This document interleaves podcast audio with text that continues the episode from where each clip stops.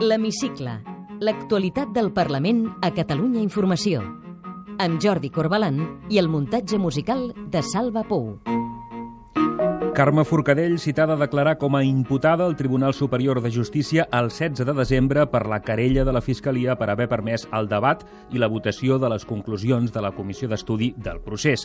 Dimecres que ve ja hauran de declarar com a testimonis l'anterior secretari general de la Cambra i el lletrat major. Serà la setmana que els pressupostos arribaran al Parlament. Benvinguts a l'Hemicicle.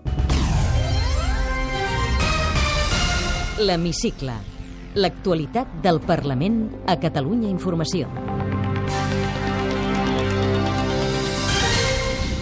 El director de l'oficina de la Comissió Europea a Barcelona afirma que Brussel·les segueixen de prop el procés català. El president Juncker ha declarat en una entrevista recent que no només ho està seguint, sinó que ho està seguint al minut. El Parlament homenatja les dones víctimes de la violència masclista. La violència se'ns envolta constantment i està normalitzada. El govern vol crear l'Observatori Català d'Atenció a la Dependència. Tot el 2017 amb treballs i sobretot el 2018 ha de ser l'any de l'autonomia i de l'atenció. L'associació SOS Bebès Robats reclama justícia al Parlament. Si aquest país, Catalunya, volem reparar les atrocitats del franquisme, hem de començar per la justícia amb la nostra memòria. I contestarà en una frase al qüestionari de l'hemicicle. Carla Riera, diputat al Parlament de Catalunya per la CUP Crida Constituent. La magistrada que investiga la presidenta del Parlament per haver desobeït presumptament el Constitucional l'ha citada a declarar el 16 de desembre. Carme Forcadell haurà de compareixer com a investigada, mentre que tres membres de la mesa estan citats com a testimonis. Ho expliquem amb Carme Montero. Segons el Tribunal Superior de Justícia de Catalunya i la Fiscalia, Forcadell pot haver incorregut en els delictes de desobediència i prevaricació. Se la investiga per haver permès i autoritzat aquest juliol la votació de les conclusions de la Comissió d'Estudi del procés constituent, tot i la suspensió del Constitucional. La magistrada Maria Eugènia Alegret ha citat per dimecres que ve, en qualitat de testimonis, l'anterior secretari general del Parlament, Pere Sol, i el lletrat major, Antoni Bayona. El 19 de desembre han de compareixer el vicepresident segon, José María Espejo Saavedra, de Ciutadans, el secretari segon, David Pérez, del PSC, i el secretari tercer, Joan Josep Noet, de Catalunya Sí que es pot. Del procés independentista se'n va parlar aquest dijous a la Comissió d'Exteriors de la Cambra, on compareixia el director de l'Oficina de Representació de la Comissió Europea a Barcelona, Ferran Tarradellas. Tarradellas va afirmar que el president de la comissió, Jean-Claude Juncker, està informat al minut del que passa a Catalunya. Sí, el director de la representació de la Comissió Europea a Barcelona contestava així a les preguntes que li van fer sobre aquesta qüestió des de Junts pel Sí i la CUP. Jo els puc garantir que, evidentment, des del meu prisma i des de la meva modesta opinió, el president Juncker i tot el col·legi està perfectament informat del que està passant a Catalunya. Ferran Tarradellas va afirmar que si la Comissió Europea no parla del procés català no és per indiferència, sinó per respecte. El diputat de Junts pel Sí, Jordi Cendra, i el copaire Carles Riera van advertir-lo que tard o d'hora Brussel·les s'haurà de mullar. Quan l'estat espanyol vulgui inhabilitar o fins i tot empresonar a representants democràticament escollits per voler exercir aquell dret més fonamental de la democràcia, que és el dret de vot, alguna cosa haurà de dir, no podrà girar l'esquena. Que sí que esperem, sincerament, és que eh, la Comissió Europea eh, tingui la capacitat política, democràtica i institucional, efectivament, de reconèixer els drets de tothom, no només les legalitats, sinó també les legitimitats. Des del Partit Popular, Juan Milian va agrair, en canvi, que la comissió no s'ingereixi en el que considera afers interns dels estats. Jo crec que si una cosa ens uneix ja a tots els catalans és que tots estem bastant cansats. Agrair-li, com ha fet la diputada Beltrán, que la Comissió Europea eh, garanteix el respecte als tractats. L'Hemicicle. El Parlament a Catalunya Informació. La presidenta del Parlament, Carme Forcadell, defensa la Conferència de Parlaments Regionals Europeus que les regions i els municipis puguin decidir les polítiques d'acollida de refugiats. La declaració anual de la Conferència de Parlaments Regionals Europeus, la CALRE, ha incorporat una esmena en aquest sentit defensada pel Parlament de Catalunya. El text sosté que les competències exclusives dels estats s'han de descentralitzar per tal que regions i municipis puguin aplicar i executar les polítiques d'acollida. La La presidenta Forcadell, que ha participat a l'Assemblea de la Calre, a la ciutat llombarda de Varese, ho explicava a l'hemicicle. És un avenç perquè fins ara el tema de refugiats no s'havia enfocat d'aquesta manera. Hem demanat que s'enfoqui de baix a dalt, on també els ajuntaments i els rents regionals puguin aplicar les seves polítiques d'acollida. L'hemicicle. L'actualitat del Parlament a Catalunya Informació. Amb motiu del Dia Internacional per a l'Eliminació de la Violència contra les Dones, el Parlament ha fet aquesta setmana un acte institucional d'homenatge a les dones que han patit violència masclista. En l'acte van prendre la paraula quatre víctimes de violència masclista que han aconseguit refer la seva vida amb l'ajuda de l'associació Tamaya. Els testimonis d'Anna Badia, Esther Barriga, Lourdes Fernández i Antònia Gómez van emocionar l'auditori amb un missatge d'esperança i superació que es va barrejar amb la música de Lídia Pujol. Marta Clapés recollia aquests testimonis. Trobar l'amic un home que moria sense amor i preguntar a aquell home per què moria sense amor. I aquell home respongué que ningú li havia donat coneixença de l'amor ni l'havia instruït a ser amador.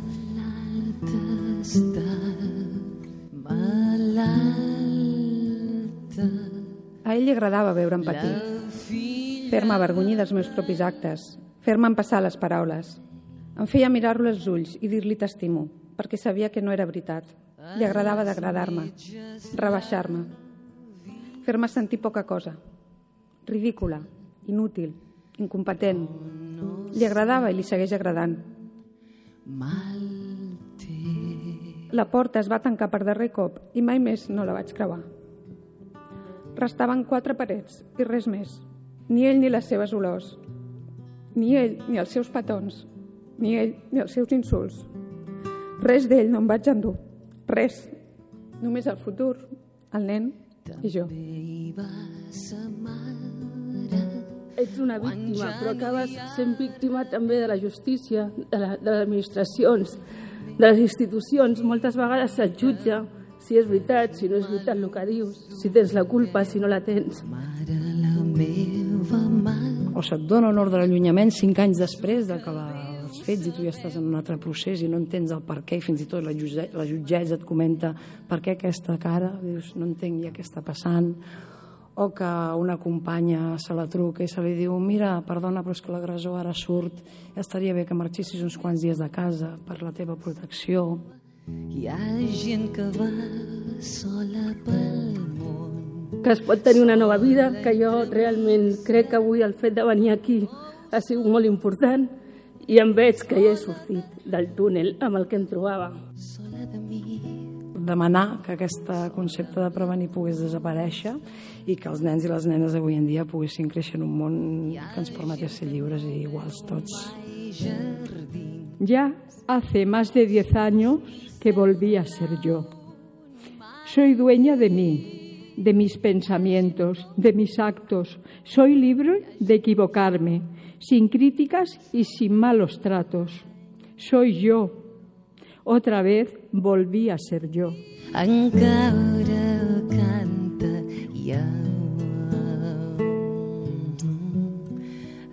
Canta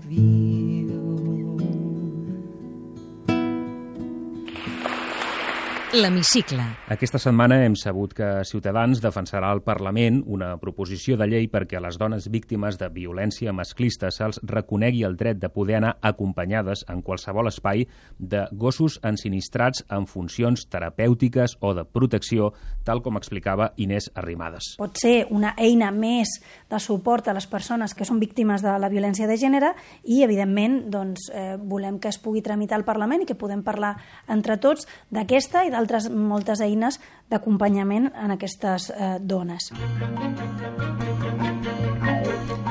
La consellera d'Afers Socials i Famílies, Dolors Bassa, anunciava dimarts al Parlament la voluntat de crear un observatori català d'atenció a la dependència per poder establir millor, Carme, les prioritats entre els demandants de la cartera de serveis i prestacions. Sí, la consellera va explicar a la Comissió d'Afers Socials que hi ha més de 24.000 persones en llista d'espera per accedir a una residència amb finançament públic. Va garantir que totes aquestes persones reben algun tipus de prestació. Dolors Bassa revelava que des del gener gairebé 9 9.800 persones que estaven a la llista d'espera i han renunciat quan se'ls ha ofert la plaça. Per la consellera, això demostra la necessitat de posar en marxa un observatori per saber més bé les prioritats. Potser la prioritat d'aquell meu amic que té 60 anys que s'ha apuntat en una llista d'espera en un centre de Barcelona, en aquests moments quan el truquem per entrar-hi ens diu no, estem molt bé amb el servei de dependència perquè l'heu millorat, la consellera va anunciar també que al març el govern presentarà el document de bases de la futura llei catalana d'autonomia personal. Va saber explicar que en quatre anys Catalunya ha deixat de percebre de l'Estat 336 milions d'euros per la llei de dependència. El diputat del PSC, Raúl Moreno, i Marta Ribas, de Catalunya sí que es pot, instaven el govern a revertir la situació actual amb més ingressos a través d'una reforma fiscal. Els 336 milions d'euros que no ha finançat durant aquests anys han estat eh, capdals i importantíssims justament per l'efecte contrari, per intentar desmantellar un sistema de protecció social i d'atenció a la dependència per donar entrada, entre altres coses, a la iniciativa privada i, per tant, allò que no pot fer la pública ho farà la privada. I això, si no van a ingressar més diners en els pressupostos pel 2017, difícilment serà ni una cosa ni l'altra, ni rendes ni reversió de retallades. Ciutadans i el Partit Popular van reclamar a la Generalitat que no culpabilitzi de tot el govern espanyol. Sentim la diputada de Ciutadans, Noemí de la Calle, i el popular Fernando Sánchez Costa, i la rèplica de la copaire Gabriela Serra. Si tantos problemas tienen para construir residencias, den ese dinero a la gente para que pueda, puedan elegir entre la oferta disponible o, o, o servicios. Escolti'm, si de debò els preocupa a vostès el finançament, vagin a Madrid i no ens deixin a tots els catalans en l'estacada. S'ha d'anar a Madrid, consellera. S'ha d'anar a Madrid, de vacances. És una ciutat preciosa, meravellosa. És una ciutat plena de museus, de passejos, d'avingudes, gent estupenda, carinyosa i que ens acull molt bé. Ara bé, el que no hem d'anar a fer a Madrid és a donar diners. L'Hemicicle. El Parlament a Catalunya Informació. El Departament de Salut aposta per regular els clubs on es consumeix cànnabis. Donar una empara jurídica a aquestes associacions, diu Salut, no suposa forçosament que n'augmenti el consum i, en canvi, sí que pot evitar conductes de risc. Sí, és que l'edat d'inici del consum de cànnabis se situa als 14 anys i mig. Un 16% dels menors fan consums de risc. Evitar l'impacte en la salut és el que defensava dijous al Parlament el sotsdirector general de drogodependències, Joan Colom, on es debatia en comissió sobre la proposició de llei de les associacions cannàbiques. Per Colom, regular l'activitat d'aquests clubs obre un ventall d'oportunitats. Oportunitats que no hauríem de deixar escapar. Permet conèixer millor la realitat, les pràctiques de risc, les maneres de consumir, perquè la podem tenir al carrer, però no la tindrem controlada. Evita el contacte del consumidor amb el mercat negre i altres drogues ilícites. Trenquem el circuit. Per cert que la Comissió de Salut ja predica amb l'exemple dels hàbits saludables que vol promoure el Parlament. Aquesta setmana, Carme, hem vist una imatge que ens ha cridat molt l'atenció. Sí, va ser dijous, en una pausa dels treballs es va poder veure els parlamentaris fent estiraments. La republicana Alba Vergés va cedir la batuta de la comissió el vicepresident Martín Eusebio Barra, que té formació de fisioterapeuta, per dirigir la sessió d'estiraments. La vida que portem diputats, diputades i les vides de molta gent que treballa avui en dia moltes hores assentats, etc etc. Al, al final el que estem fent és que cada vegada hi ha més gent sedentària. La ponència que redacta la llei per crear la comarca del Lluçanès ha enllestit aquesta setmana els treballs i ara el text es començarà a tramitar a la cambra. Els membres de la ponència escoltaven dimarts els alcaldes dels 13 municipis que haurien de formar la comarca, tot i que 5 d'aquests municipis van rebutjar-ho en una consulta al juliol de l'any passat. L'alcalde de Prats de Lluçanès i president del Consorci del Lluçanès, Isaac Peraire, un dels impulsors, està convençut que el text de la ponència és un punt de partida per acostar posicions. Que sigui un debat serè, però que no s'eternitzi amb el temps. De fet, alguns que volíem la comarca abans d'ahir hem anat esperant, ara ja va eh, sent el temps de culminar tot el procediment. Els municipis que van rebutjar formar part del Lluçanès mantenen la posició, però no es tanquen en banda. Josep Costa és l'alcalde de Santa Maria de Merlès. Del que es diu, el que es fa, hi pot haver molta distància. Sempre se'ns ha dit que encara que ens quedessin fora a la llarga i podem entrar-hi, crec que a la llarga eh, no, tampoc ens tanquem les portes a no, a no formar-hi part. L'hemicicle Al Parlament aquesta setmana s'ha parlat també de memòria històrica. Les víctimes dels nadons robats durant el franquisme i ben entrada a la democràcia han vingut a la Comissió de Justícia per reclamar precisament això, que se'ls faci justícia. Junts pel Sí i el PSC han registrat aquesta mateixa setmana una proposta de resolució per crear un grup de treball per estudiar els fets i donar suport a aquestes famílies. A l'hemicicle recollim el testimoni de la presidenta de SOS Bebès Robats Catalunya, Adelina Ruiz. Des dels anys 40 i fins ben entrada als 90 s'han sucedit aquests casos de desaparicions dels nostres nens. Els se'ls van arrabassar de les nostres entranyes, literalment, per donar-los en famílies afins al règim i ben considerades per la seva posició social i econòmica. L'estat espanyol és el culpable de que aquests fets no s'investiguin. No obstant, això deixa a les esquenes de les pròpies víctimes el treball d'investigació i de les recerques. Mentrestant, el temps corre a la nostra contra. Hi ha molts afectats que han mort sense saber on són els seus fills. Ens trobem que gairebé totes les denúncies posades en fiscalies estan arxivades i fins avui no hi ha ni un sol acusat per aquesta causa. Estem demanant que ens declarin víctimes i, com a tal, podem tenir justícia gratuïta ajuda psicològica i que es faci un banc d'ADN fiable on ens puguem comparar aquestes mostres. Que s'obrin els casos arxivats, que es pugui accedir als arxius públics i privats d'hospitals, maternitats, cases bersols, registres civils, cementiris i els eclesiàstis.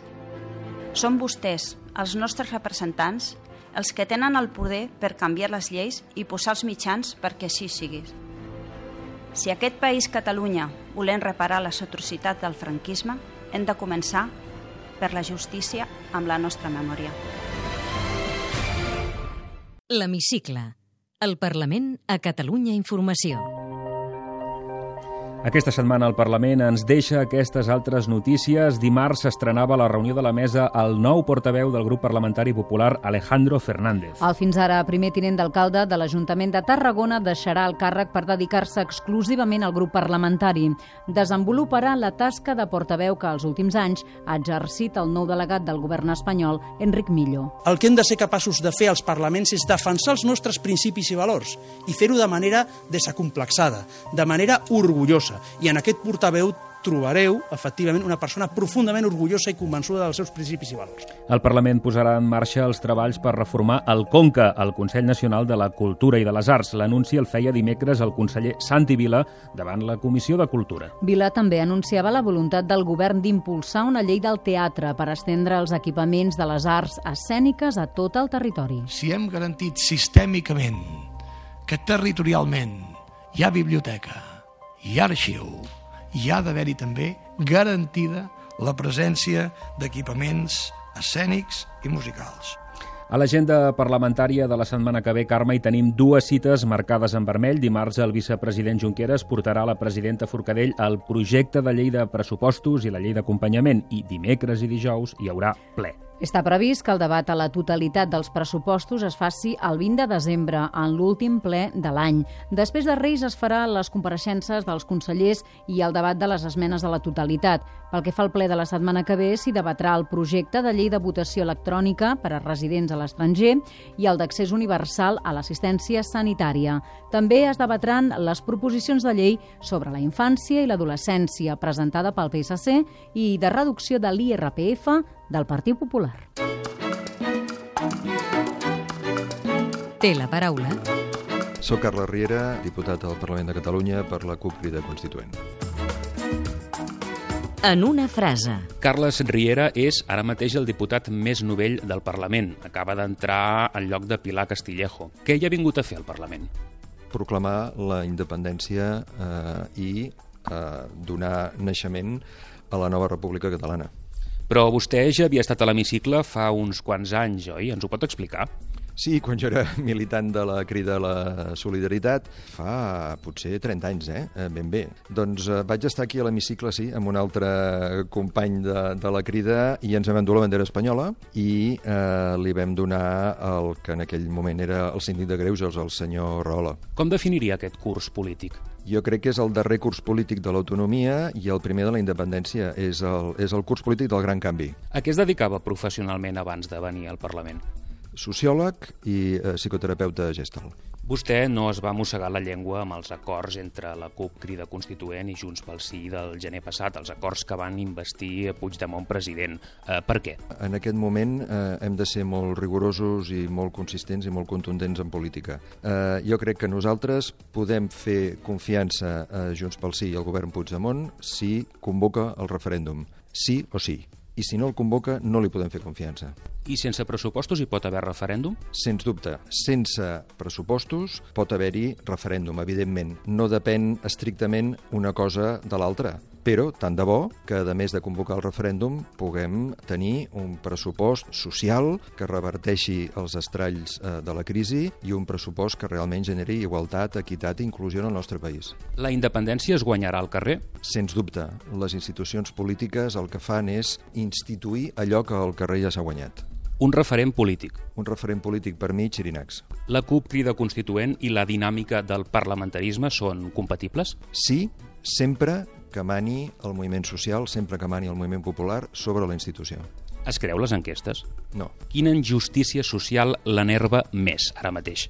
Em fa eh, molt mal eh, la pobresa eh, tan extesa en una part important de la nostra població i realment em fa molt de dolor el que està passant amb els eh, immigrants eh, i amb els refugiats. Ha estat mai a la cua de l'atur? Sí. Una mania confessable eh, l'ordre a casa. Viu de lloguer o de propietat? De propietat pagant encara la hipoteca. Té segona residència? Sí, compartida amb diverses famílies més. Pla de pensions, mútua? No. Com es desplaça habitualment? En moto. On s'escapa quan vol desconnectar del tot? Quan vull desconnectar del tot, m'escapo a la meva habitació. Fa esport amb certa freqüència? Natació un dia a la setmana. Se'n surt bé amb els fogons? Sí. Quin plat ens cuinaria? Arrossos. Es fa al llit o li fan? Me'l faig sempre, és una mica obsessiu això. Apaga el telèfon mòbil algun moment del dia? El tinc sempre en silenci eh, i el consulto amb freqüència. Recomani'ns un llibre que hagi llegit recentment. Doncs miri, escombraré cap a casa i els hi recomanaré el metall impur de Julià de Joder. Quin concert no es perdria? Darrerament estic anant als concerts d'un grup de joves rumberos que són de la família, que són de casa i que prometen molt que són els Tupica i amb aquests hi anem. Hi ha alguna cosa després de la mort? Jo crec que sí. La vida continua. Quina és la seva màxima? descobrir i gaudir la plenitud i la felicitat en el moment present, en l'instant present. Carles Riera, el diputat ara mateix més novell del Parlament, gràcies eh, per ser avui a l'hemicicle. Gràcies, igualment.